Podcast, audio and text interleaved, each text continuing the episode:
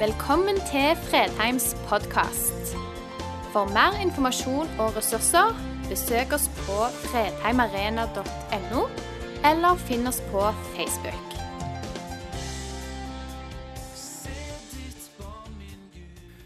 Av og til så kan det føles ut som nærmest går rundt med en som skal minne om en skanner i hodet mitt, i pannen min. Eh, sånn som det har på butikken når de skanner varene. Den type skanner som når jeg ser et menneske, så ganske fort så gjør meg opp en mening. altså Det som kalles førsteinntrykk. da. Du ser det, og så kommer noen impulser tilbake, og du begynner å gjøre et inntrykk av hvem disse menneskene er. Med en gang du ser dem, når de åpner munnen, så kommer nye impulser. Hvordan sa de det?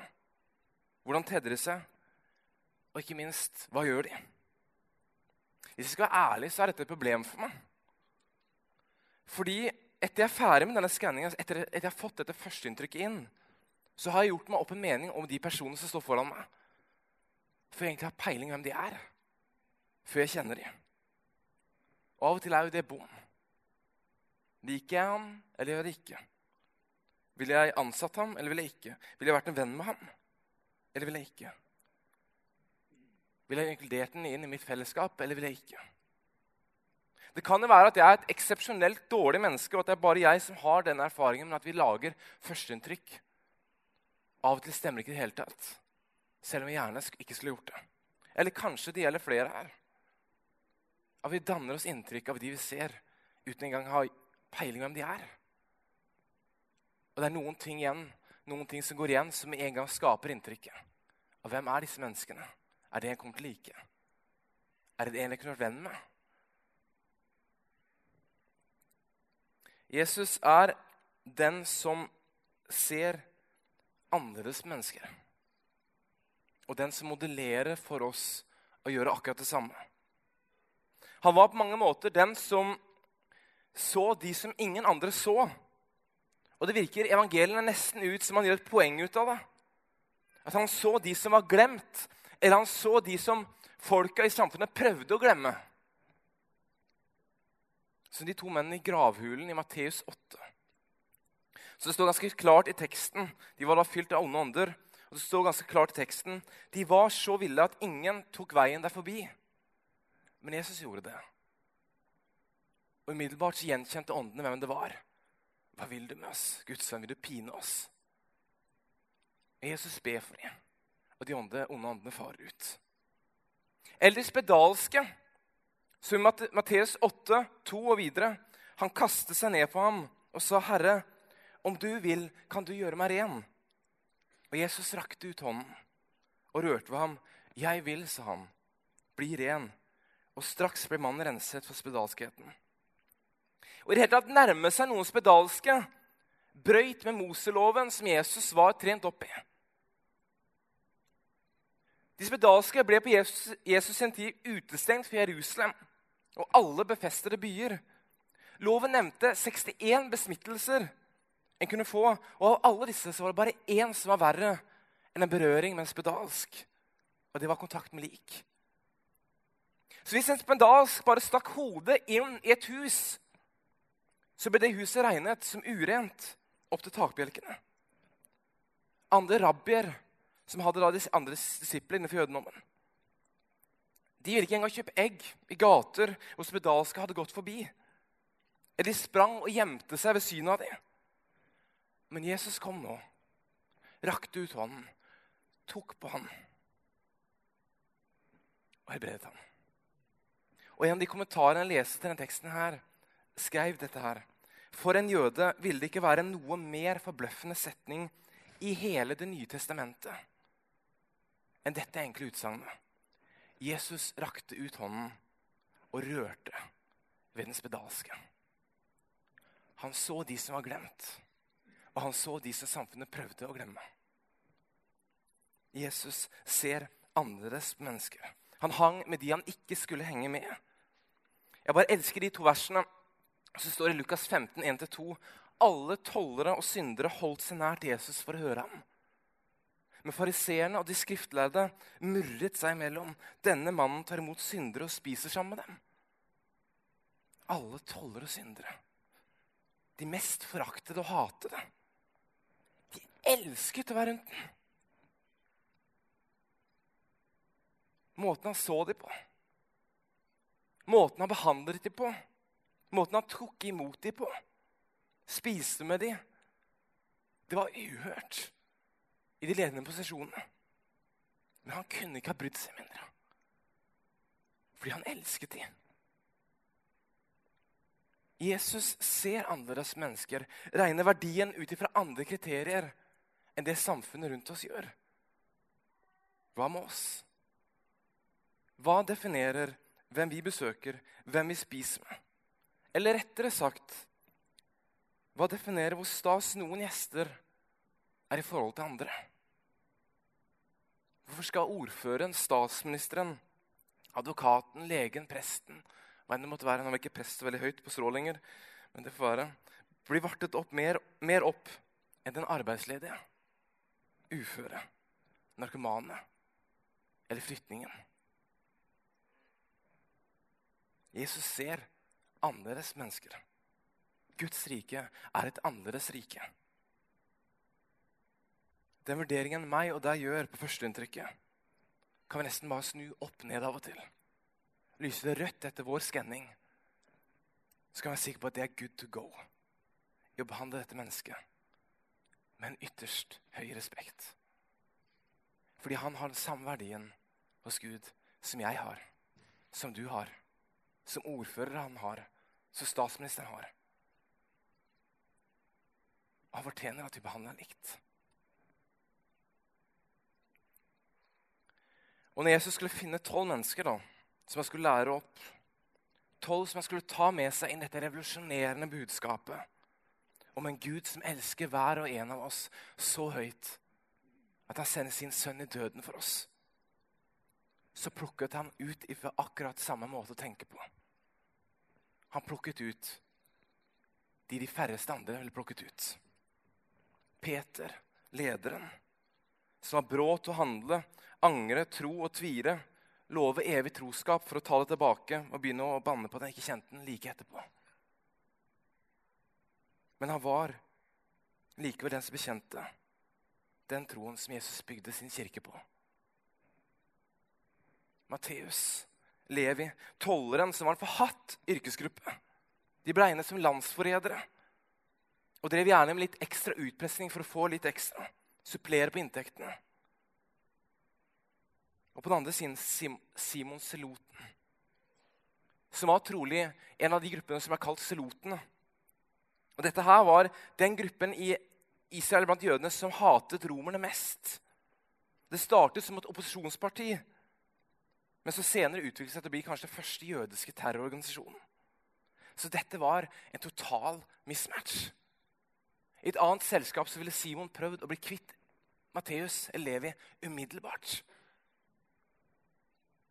så var det Judas Iskariot som sviktet Jesus som mest. Historiens kanskje mest omtalte historie på hvordan å svikte en venn. Eller om Paulus, som ble podet inn etterpå, som hadde vært med og tatt liv av disipler, stått og forfulgt dem. Og plutselig ble han podet inn som en av disiplene. Dette var de han plukket. Og så plukket den meg og deg. Som heller ikke har så mye å vise til i livet. Som gjør oss verdt det kallet, hvis vi er helt ærlige. Og mesteparten av det vi viser til, er ting vi ikke får med oss videre uansett. Men det er ting som scorer bra når andre tar sin skanning med pannen og ser dette ser bra ut. Her lyser det grønt. Denne personen vi har bekjent med. Men Jesus ser annerledes på mennesker og hva som gir oss verdi.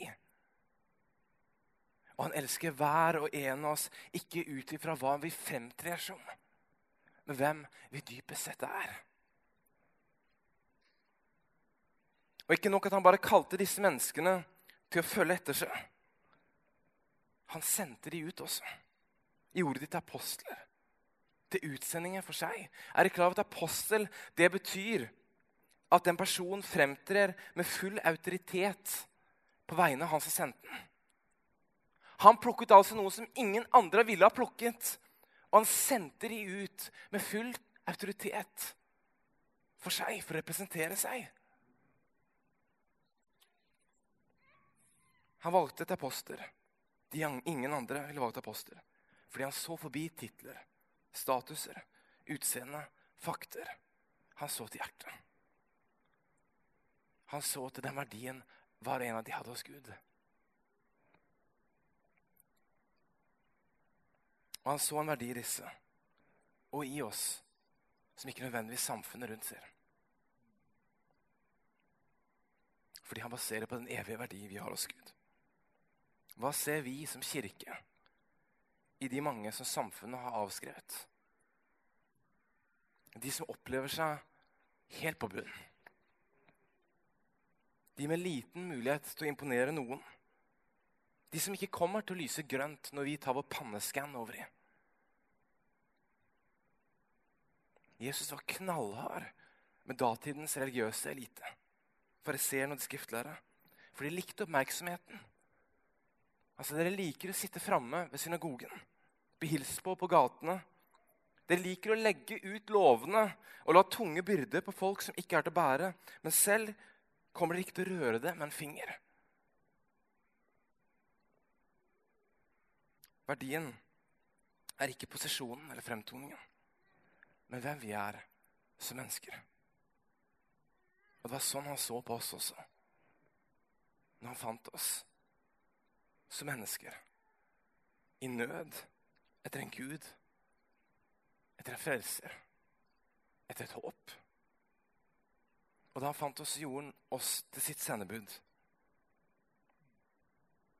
Så hva bærer vi? Og hvem bærer vi det til? Så ikke jeg selv står i fare for å bli en av de som liker å sitte fremst i kirken og bli hilst på på gatene.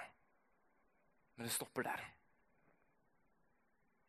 Jeg er nødt til å minne meg på det at Jesus er på ingen måte en A4 middelklasse-type. Han bryter alle de grensene. Han utfordrer våre idoler. Det vi lar gi oss verdi.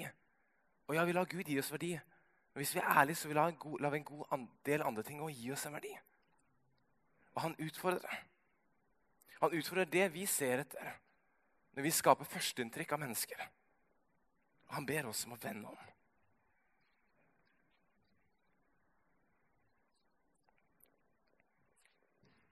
Sist søndag på G2 så talte jeg over eh, temaet 'Jesus er Herre'. De tre ordene som er en av de aller eldste bekjennelsene til kirken. Du kan bare tenke deg hvordan det var for første kristne som sa det her når de ble hilst på gata, folk ble hilst på gata med eh, 'Cæsar er Herre'. Og de kunne ikke svare det samme tilbake.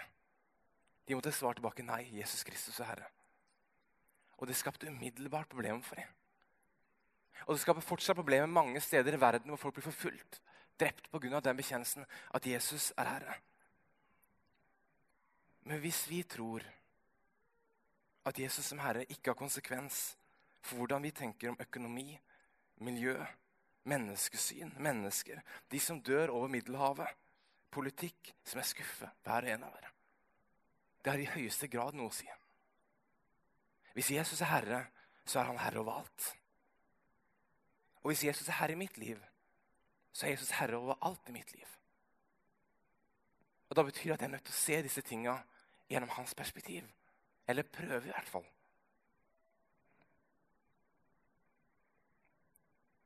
Jesus som herre er forsikringen på at kristendom ikke er noe vi gjør bare innenfor disse murveggene. Men det er noe som angår hele vårt liv. Vet du hva, Det er det jeg brenner mest for av alt. Det angår hele vårt liv. Det er ingen sfære i ditt liv du kan trekke ut og si dette har ingenting med Jesus å gjøre. Hvis Jesus er Herre, så har det det.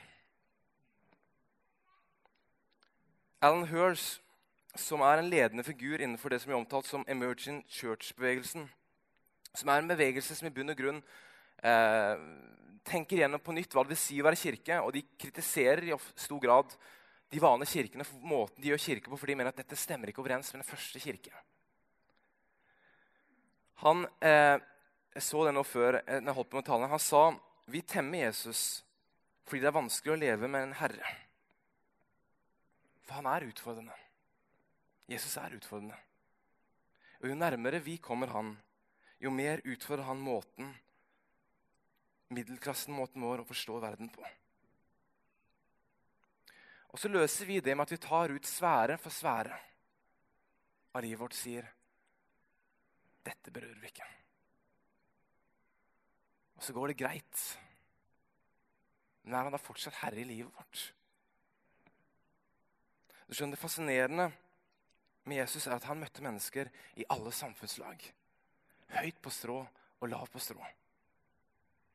Men når han likevel velger side, så gjør han veldig ofte det med de svake. Selv om ikke det alltid betyr at han aksepterer det de gjør. Jesus både ser og gir oss en verdi. Hver enkelt av oss som går langt utover det vi klarer å skape verdi. Og vi er flinke på å prøve å skape oss verdi. Når han ser mennesker, så ser han Guds barn. Veldig ofte så bruker vi det begrepet om at det blir Guds barn vi blir døpt, vi kristne. Men det stemmer jo for så vidt, men det stemmer ikke 100% For egentlig er alle Guds barn. For jeg ønsket Han, skapte Han. Så når Han ser oss, så ser han Guds barn. Og han ser en verdi han la ned i oss fra skapelsen av. Som han elsker. Ikke fremtoningen, men den du er, dypest sett. Uavhengig av tro, rase, klasse, kjønn. Og den samme verdien så han i meg og i deg. Den ser han også hver eneste dag i de som blir undertrykt. De som går i fattigdom. De som seiler over Middelhavet i skuter som de er usikre på om kommer til å komme fram. De som blir solgt som slaver. De som har havnet inn i avhengigheter som de ikke klarer sjøl å komme ut av. Han ser akkurat den samme verdien. For de har planlagt det han. De var sett av han før de ble skapt. De er Guds barn.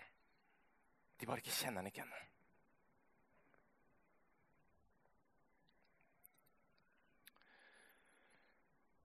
Mennesker som eh, Når jeg vil se dem, og du ser dem Andre ser det så fort som vi skanner over i og skaper førsteinntrykk, så vil de komme til å lyse rødt. Men hos Gud lyser alltid grønt. For han elsker både meg og deg og alle de andre der. Og han ga sitt liv for de òg. Og så blir det opp til hver enkelt av oss om vi ønsker å ta det innover i tro eller ikke. Martin Cave, pastor Imkirken han talte på kickoffen her nå eh, for frivillige medarbeidere på onsdag. Han sa noe som er eh, veldig bra. Han sa at Sandnes har ikke sagt nei til Jesus. Mange vet bare ikke hvordan han ser ut. For mange av disse menneskene, både de som lyser grønt, gult rødt oransje, så vil vårt møte med dem være det nærmeste møtet de har hatt med hvordan Jesus ser ut. For vi er hans utsendinger. Vi blir hans fjes, hans føtter, hans hender i møte med det. Klarer jeg på en eller annen måte å koble ut denne skanneren som sitter i panna mi, som ligger latent, og bytte den ut med en gudsrike skanner? Vi møter hver og en av dem med den samme respekt. For den verdien Gud har lagt ned i. Når han planla dem, når han så dem, når han skapte dem. For hver en av dem er skapt i Guds bilde. Og hver av en av dem er en levende fordi han blåste sitt livspust inn i dem. Og de blir mennesker. En levende skapning kan vi forestille oss hva det, bety, hva det betydde for tollerne og synderne at Jesus så til den evige verdien de hadde, og ikke den verdien samfunnet hadde gitt dem. De elsket den. Det ordet de brukte når Lukas skriver, er 'alle var rundt den'. Jeg gikk til den greske teksten bare for å se at det stemte. Det stemte. Alle var rundt den. Alle syndere og tollere var rundt den. De fikk en enorm effekt på livet deres. Kan vi forestille oss hva som skjer hvis de møtene hvor det tidligere ble lyst rødt på skanneren vår, opplever å bli behandlet med den uendelige og evige verdien de har som Guds barn? Kanskje vi noen, flere enn flere, mange i denne byen, for første gang ser hvordan Jesus ser ut. På grunn av at vi som kirke, vi som kristne, ga de et bilde av hvordan det så ut. Jeg leser fra Matteus 25, 35 videre. For jeg var sulten, og dere ga meg mat. Jeg var tørst, og, jeg, og dere ga meg drikke. Jeg var fremmed, og dere tok imot meg. Jeg var naken, og dere kledde meg. Jeg var syk, og dere så til meg. Jeg var i fengsel, og dere besøkte meg. Da skal de rettferdige svare, Herre, når så vi deg sulten og ga deg mat, eller tørst og ga deg drikke? Når så vi deg fremmed og tok imot deg, eller naken og kledde deg? Når så vi deg syk eller i fengsel og kom til deg? Og kongen skal svare dem, sannelig, jeg sier dere, det dere gjorde mot en av disse, mine minste søsken, har dere gjort mot meg. Hvordan ville du tatt imot Jesus hvis det var han som kom seilende innover Middelhavet? Hvis det var han som ikke klarte å stå oppreist på ruten? Han som ble tvunget til å arbeide til luselønn? Hvis det var Jesus som satt ensom og alene? Han som var ufør og syk, men som ikke det syntes på?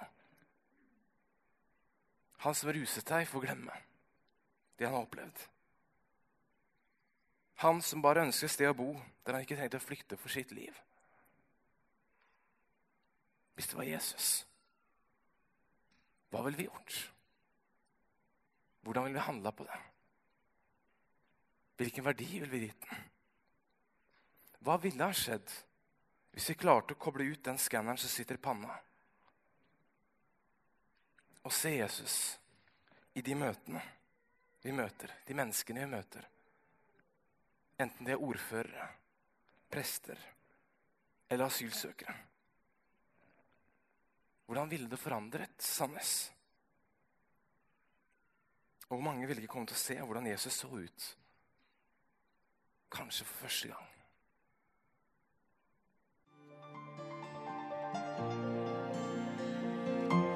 Takk for at du valgte å høre på. Nye opptak legges ut hver uke. Vi har gudstjenester hver helg, og du er hjertelig velkommen.